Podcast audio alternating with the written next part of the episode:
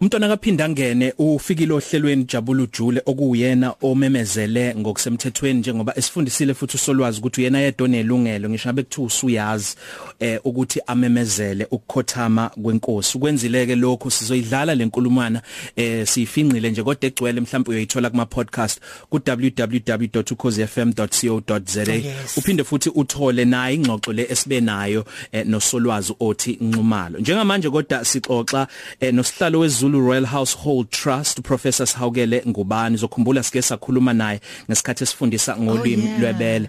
Eh, solwazi hey kubhlungu cishe ngathi siyajabula ukukhuluma nawe kodwa ukujwayela nje kolimi singajabula kanjani kulezi indaba ezidumaza nezibhlungu kangaka?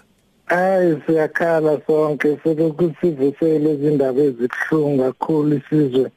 Eh siyakhala kuwe umuthi omkhulu awaneimpande zawo. Mm. Ngenxa ukuthi isikhathi sincane nje sifisa mhlambe ongasitshela khona namagalelo esilo eh nisebenza naye lapha ya kwi trust iZulu Royal Household Trust. Eh mhlambe ngasho nje kafushane ukuthi i trust iumnyango ongaphansi kwa kweofisi yaNdunankulu ebhekelele eh, inhlalakahle isihlalo sobukhosi ikakhulukazi sigcile ekubhekeni izigodlo zaso. Nakho konke nje kuyidingo zekhaya eh likangangezwe lakhe. Mm. Ikuphi obe obekuthi manihleli nixoxa noma nisebenza noma kwethulwa inhlelo lezi enisokade nisebenza nisebenza ikuphi bekuhleze kusenhlizweni yesilo ukuthi makwenzeke kuyo le trust? Eh yawusenhlizweni kakhulu eh kuhlangana emhlabathi lokhu ukuthi kuthuthukise isizwe eh kusizakale eh, nomphakathi kakhulukazi umphakathi owakhelene nasehlala nkosi ikhona beqikelela kakhulu nje ngalesikhathi kuqhubukele sifo secovid kwadingeka ukuthi kube khona okuthile esikufaka emphakathini lapha. Uyona nto ayiqikelele ukuthi abantu eh isile esibaholayo banga khahlanezwa ilesifo ebesikhona eh futhi ke naye ube ubeke akhuleke njengomuntu esaziyo ukuthi ubazana nenkosi. Eh uNkulunkulu ube bakhuthaza abantu ukuthi mabayiphathe kahle. Konke lokhu siyakubona nokuvusa kwakhe imkhosi njengomkhosi womhlanga. Nakhona injongo enkulu emkhosini womhlanga ukweluleka abantwana abasakhula abamantombazane ukuthi kufanele bayiphathe kanjani.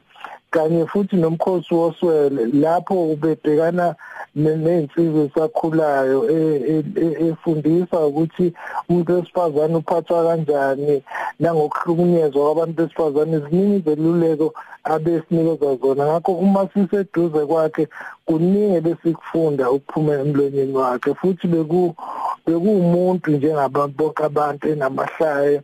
Eh engeyona lento osukuyibona uma ngabe umbukela kude ekhuluma komabona kude bengiyaye ngibone ukuthi imithetho lokubizwa ngeprotocol bengeyena umuntu oshesha kulungise ngisho noma usulenzile iphutha eh bekuyaye kube ilaba mhlawumbe abahamba naye noma baseceleni noma bawaziyo umthetho yena kodwa ubekunikeza lokho ukuthi hayi khulileka uyayibona leyo nto?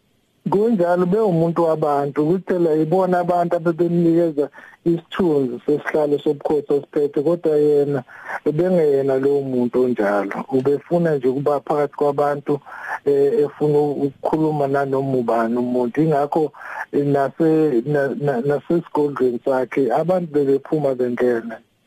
Ngicabanga ukuthi nakuba eh, isilo sesikhotheme kodwa imisebenzi nebekade ningakafinyelela ukuthi nize niqale nicabanga ukuthi ke manje mhlambe ninento ethi eh, ingcaba isinkulu isinkuluku ukuthi niuqale nize nifinyelele nakokunye eningakwazanga ukukwenza. Kunjalo ngoba zikhona inhlelo wayeseyidwebile ese esixhumanisa nabanye abahlobo bakhe base-US kufanele sisebenzisane nazo.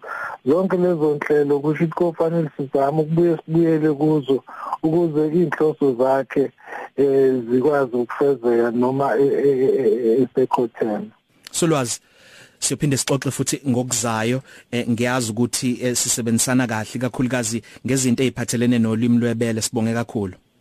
Siyabonga nje manje siyakhala sonke uwe umuthi omkhulu to 3 Cafe, no Sia and Sel Beyonce. Speed down ngoba amele uzwe ngabantu.